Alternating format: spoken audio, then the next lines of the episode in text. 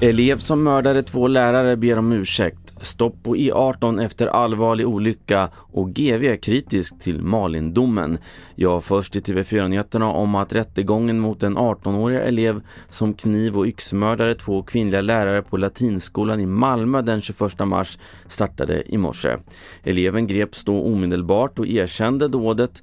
Under förhandlingarna idag bad han om förlåtelse men motivet är fortfarande ett mysterium enligt målsägande beträdet Sofie Palmgren Paulsson att utöva den här typen av våld mot två fullständigt slumpmässigt valda offer, det gör det fullständigt obegripligt. Och du hittar en live-rapportering om det här på tv4.se. Det var stopp på E18 i riktning mot Västerås nu under förmiddagen efter en allvarlig trafikolycka i höjd med Hallstahammar i Västmanland. Flera fordon var inblandade och fem personer fördes till sjukhus. Magnus Jansson Klarin är presstalesperson på polisen Region Mitt.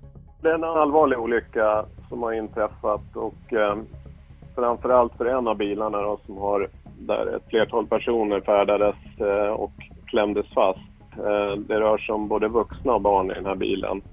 En av dem, en vuxen person, är förd med ambulans till sjukhus med allvarliga skador och sist om domen som kom igår mot 44-årige Olof Wiberg som mördade 16-åriga Malin Lindström i Husum 1996 där straffet blev fem års fängelse.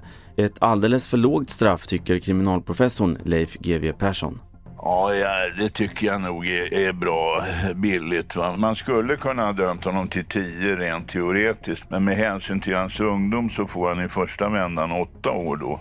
Men, men nu får han en ytterligare rabatt för att det har gått så lång tid, säger man, och det måste ju ha varit påfrestande för honom. Det tycker jag är lite märkligt sätt att se på det hela. Va? Fler nyheter på tv4.se. Jag heter Carl-Oskar Alsen.